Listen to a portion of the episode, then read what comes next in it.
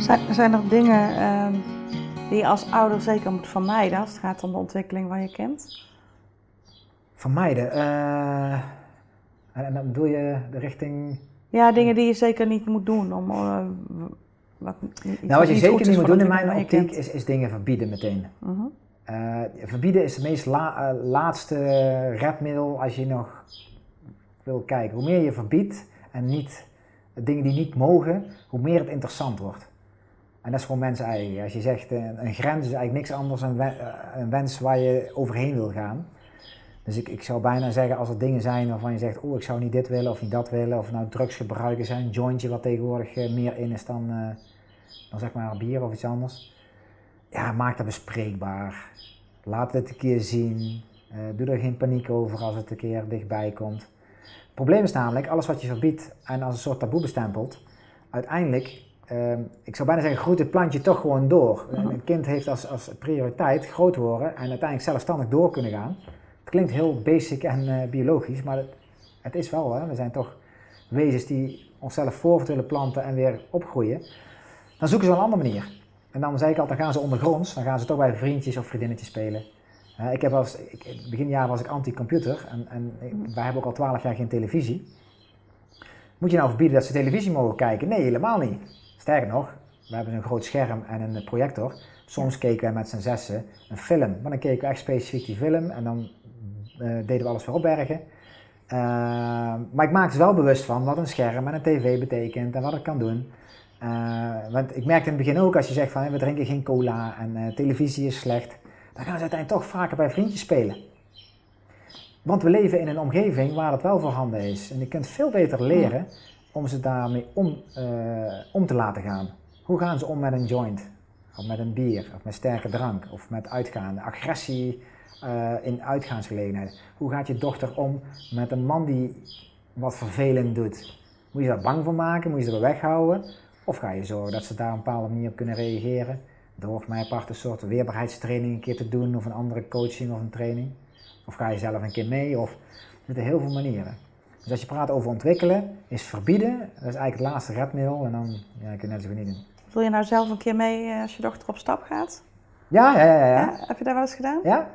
En dat vond je dochter ook goed? Ja, nou, eigenlijk wel. We moesten er een keer aan wennen. En natuurlijk op vakantie, we zijn op vakantie geweest. En had je een keer eh, een optreden of iets. En het begin vond ze dan dansen een beetje spannend, waar de ouders bij waren. Maar als je het zelf allemaal niet spannender maakt en je laat gaan, dan zie je uiteindelijk dat het leuk wordt. En de ene staat wat makkelijker in dan de andere. Eh, en als je het voortraject op een leuke manier hebt gedaan met je kinderen, dan zie je dat het uitgaat. Dan, vaak wordt gezegd, ja, maar ze zijn pubers, hè, krijg je de term weer, zijn tieners. Oh, dat vinden ze niet fijn en die willen. Maar als ze voor hun gevoel niks te verbergen hebben, Mhm. en ze worden daar later niet even heel lomp gezegd op afgezeken of had je dit of dat. Dan zie je dat ze het eigenlijk wel heel erg leuk vinden met ouders. En, en dat ze zeker leuk vinden als je interesse toont en een keer langskomt of een keer mee op stap gaat of, eh, of, of whatever.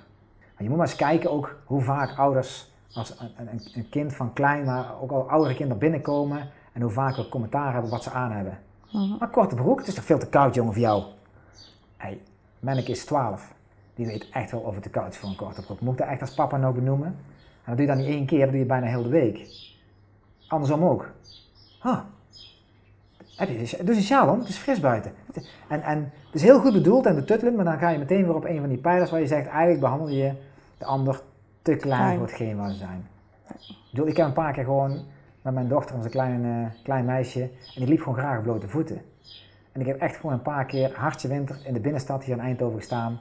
En iemand zei, die keek zo en ik keek, en die had gewoon geen schoenen aan.